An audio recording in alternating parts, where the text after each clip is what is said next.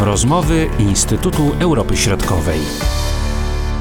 Marcin Superczyński, witam Państwa. Są podstawy, by twierdzić, że doszło do zbrodni wojennych i zbrodni przeciwko ludzkości podczas konfliktu na Krymie i Donbasie. Takiego zdania jest Międzynarodowy Trybunał Karny w Hadze. Zakończyło się właśnie postępowanie przygotowawcze w tej sprawie, które przeprowadzono na wniosek Ukrainy. Jakie będzie dalsze postępowanie, jaki stosunek do tego komunikatu ma Ukraina i Rosja, no i kto może ponieść konsekwencje za zbrodnie? Na te pytania odpowiadamy razem z doktorem Tomaszem Lachowskim, z Katedry Prawa Międzynarodowego i Stosunków Międzynarodowych Wydziału Prawa i Administracji Uniwersytetu Łódzkiego pani prokurator Fatou Bensouda e, stwierdziła w takim specjalnym oświadczeniu, właśnie kończącym badanie w zakresie postępowania przygotowawczego, że istnieje możliwość uzasadniona ponad wszelką wątpliwość, że rzeczywiście doszło do, czy też mogło dojść od 2014 roku do właśnie zbrodni wojennych i zbrodni przeciwko ludzkości popełnionych na terytorium Ukrainy, czyli tak naprawdę mówimy tutaj o dwóch obszarach, mówimy o Krymie, anektowanym w 2014 roku przez e, Rosję oraz właśnie części e, Donbasu, która z kolei tutaj i bezpośrednio i pośrednio poprzez e, tych prorosyjskich bojowników jest kontrolowana również przez Federację Rosyjską. To oświadczenie jeszcze tak naprawdę o niczym w pełni nie decyduje, dlatego że tutaj jeszcze potrzebna jest zgoda Izby Przygotowawczej Trybunału, żeby takie już śledztwa w sprawie, a później śledztwa co do konkretnych osób oskarżanych e, móc e, wszcząć. To jest kwestia najbliższego e, czasu, ale to jest ważny moment właśnie i dla Ukrainy, i dla Rosji, i dla samego Trybunału, ponieważ rzeczywiście można już przystąpić do bardziej konkretnych postępowań w tych sprawach. Do tej pory prokurator MTK tak naprawdę zbierał informacje, zbierał pewne, ustalał pewne fakty e, właśnie, które mają posłużyć jako pewne dowody e, prokuratorskie. Tutaj posługiwał się i informacjami e, zgromadzonymi i przesyłanymi przez rząd ukraiński, wiele organizacji pozarządowych, przez też świadków, ofiary tychże zbrodni. No tutaj Rosja raczej nie była skora do współpracy, więc właściwie teraz jest ten moment decydujący, jeśli sędziowie Trybunału zgodzą się i aprobują E, prokurator, e, panią prokurator do wszczęcia kolejnych postępowań już w sprawie, wtedy ten moment wymierzenia sprawiedliwości będzie już o wiele nam bliższy, czyli po prostu możemy zakładać, że rzeczywiście ktoś może zostać za te zbrodnie skazany. Czy tutaj y, są wymieniane albo istnieje duże prawdopodobieństwo wskazania określonych przypadków, jakichś wydarzeń, czy mamy takie informacje? prokurator Trybunału w Hadze e, przede wszystkim w swoich corocznych raportach e, czekamy teraz na raport z roku 2020. To zawsze te raporty spływają i są publikowane właśnie pod koniec danego roku kalendarzowego. Z tych poprzednich e, czterech lat od 2016 roku, kiedy pierwszy raport w sprawie Ukrainy został przez panią prokurator przedstawiony, tak naprawdę jest to,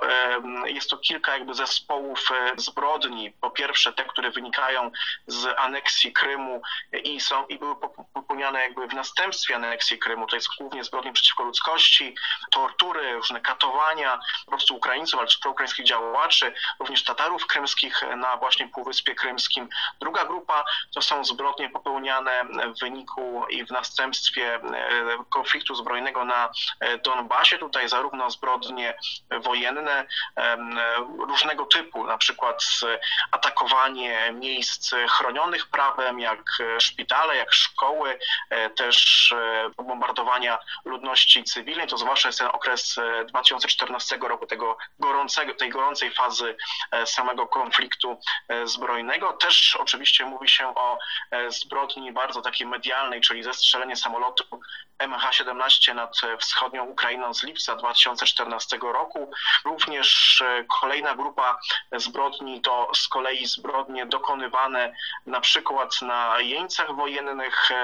którzy w różnych E, sytuacjach trafiali e, do właśnie niewoli rosyjskiej, na przykład w wyniku, e, w wyniku bitwy pod Iłowajskiem czy pod Debalcewem.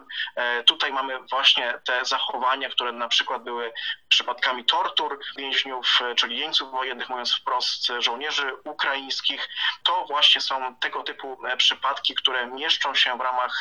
jurysdykcji Trybunału i tak naprawdę w tych dwóch typach zbrodni, czyli zbrodniach przeciwko ludzkości, czyli głównie kierowanych przeciwko ludności cywilnej oraz zbrodniach wojennych. Tutaj też różny kontekst, ale między innymi na przykład zbrodnie na, e, dokonywane na jeńcach wojennych chociażby, czy też właśnie te e, zbrodnie, jak na przykład e, potencjalnie tak zbrodnią może być wojenną nazwana, nazwane zestrzelenie samolotu malezyjskich linii lotniczych właśnie nad wschodnią Ukrainą. Tutaj wiemy, jak się zachowuje y, państwo ukraińskie, które współpracuje z Międzynarodowym Trybunałem, natomiast y, rozumiem, że strona rosyjska kompletnie nie przejmuje się przynajmniej jak na razie tym postępowaniem i na to postępowanie nie reaguje. Tak, e, zgadza się. E, strona rosyjska tak naprawdę w 2016 roku, tak e, można powiedzieć bardzo symbolicznie i pokazowo wycofała swój podpis spod traktatu, czyli Statutu Rzymskiego Międzynarodowego Trybunału Karnego, czyli podstawy prawnej, na której to orzeka i działa Trybunał Karny w Hadze. Rosja nigdy tego E, statutu nie ratyfikowała, czyli nigdy nie była stroną. Natomiast sam podpis e, już pewne obowiązki e, tworzy, żeby nie czynić wbrew celowi e, samego statutu, czyli w tym przypadku no, przede wszystkim nie popełniać e, zbrodni. To jest ten bazowy obowiązek, który wynika właśnie z samego faktu e, podpisu. Władimir Putin właśnie po tym pierwszym raporcie z 2016 roku pani prokurator Fatou Bensudy z MTK, w którym stwierdzono, że sytuacja na Krymie to rodzaj permanentnej okupacji, stanu okupacji oraz przykład międzynarodowego konfliktu zbrojnego, czyli właśnie między Rosją a Ukrainą jako jego stronami oraz wskazała pani prokurator, że na Donbasie również e, jest taki, taka mieszanka właśnie międzynarodowego konfliktu zbrojnego i niemiędzynarodowego, ale to nie oznacza, że jest to wojna domowa, więc jakby tak naprawdę e, ta narracja rosyjska została e, wtedy bardzo mocno podkopana, wręcz zburzona przez no, bardzo ważny organ, jakim jest prokurator Międzynarodowego Trybunału Karnego, co spowodowało właśnie taką reakcję dotyczącą wycofania podpisu. No i oczywiście, pewnie nie będę odkrywczy, ale po prostu Rosja z Trybunałem nie współpracuje, w istocie lekceważy jego pracy. Tutaj rzeczywiście większość e, informacji jest przekazywane przez e, stronę ukraińską, która jest w tym oświadczeniu z 11 grudnia sprzed kilku dni pochwalona właśnie za stopień współpracy, ale jednocześnie jest e, Ukraina zganiona przez panią prokurator za nieefektywność własnych krajowych postępowań w sprawach na przykład zbrodni na Donbasie. Do dzisiaj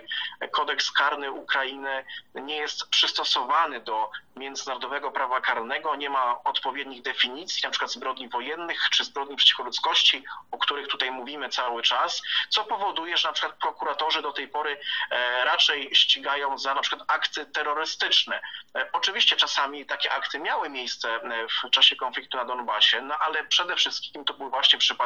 na przykład zbrodni wojennych. Do finału tych postępowań jeszcze bardzo daleka droga, ale doświadczenie uczy, doświadczenie historyczne, że tego typu przypadki są rozwiązywane. Ostatni, może taki najbardziej namacalny, to przykład Kosowa i dymisja prezydenta e, tego kraju, dawnego partyzanta UCK, Hashima Tachi i jego współpracowników, którzy no także odpowiadają na zarzuty e, o zbrodnie e, wojenne. Tak, z pewnością tutaj widzimy też, jak to często określam, taki, taki poza, pozanormatywny charakter właśnie różnych trybunałów karnych, no, na ogół międzynarodowych lub umiędzynarodowionych, bo rzeczywiście takie specjalne panele sędziowskie, które, które orzekają w sprawach zbrodni w Kosowie, one również mają charakter umiędzynarodowiony, hybrydowy, jak to się e, fachowo e, określa, pozanormatywny, czyli również e, nazwijmy to bardziej polityczny, czyli w tym przypadku jest to też efekt, jest to również narzędzie nacisku, na przykład na dane państwo, które uczestniczy w konflikcie zbrojnym, albo też jeśli ten konflikt już miał miejsce w przeszłości, to nacisk na to państwo, żeby w sposób odpowiedni, efektywny rozliczyło się właśnie z tych dawnych naruszeń prawa międzynarodowego, w tym przypadku właśnie zbrodni międzynarodowych, bo pamiętajmy, że to jest też efekt dziedzictwa Norymbergi, czyli właśnie Trybunału Wojskowego powołanego w 1945 roku, że te zbrodnie, jak, jak zbrodnie wojenne, zbrodnie przeciwko ludzkości, czy, czy na przykład ludobójstwo, oczywiście o ludobójstwie nie mówimy w kontekście Ukrainy, ale to jest, jedna, to też kolejna z kategorii, to są zbrodnie, które mogą się wydarzać na przykład na terytorium jednego państwa, ale przez to, że są tak poważne, to, to prawne zainteresowanie leży po stronie całej społeczności międzynarodowej, która nie tylko e, może, ale wręcz powinna dopomóc danemu państwu, żeby e, takie zbrodnie w sposób odpowiedni ścigać i je osądzić. Dlatego tutaj też e, na pewno te postępowania, jeśli one się, te postępowania w kontekście Ukrainy i tutaj przede wszystkim możliwość postawienia w stan oskarżenia przedstawicieli Federacji Rosyjskiej, osób, osób oczywiście fizycznych, nie państwa jako takiego osób fizycznych, e, może być e, oprócz tego normatywnego e, charakteru postępowań, tego najbardziej takiego tradycyjnego, prawda, który ma przywieść po prostu do odpowiedzialności karnej, do wyroków wskazujących bądź uniewinniających, również ten nacisk, nacisk w kontekście powiedziałbym politycznym, czy nawet geopolitycznym, pamiętając, że Rosja przecież jest chociażby stałym członkiem Rady Bezpieczeństwa ONZ. Mówił dr Tomasz Lachowski z Katedry Prawa Międzynarodowego i Stosunków Międzynarodowych Wydziału Prawa i Administracji Uniwersytetu Łódzkiego. Marcin Superczyński, do usłyszenia. Były to rozmowy Instytutu Europy Środkowej.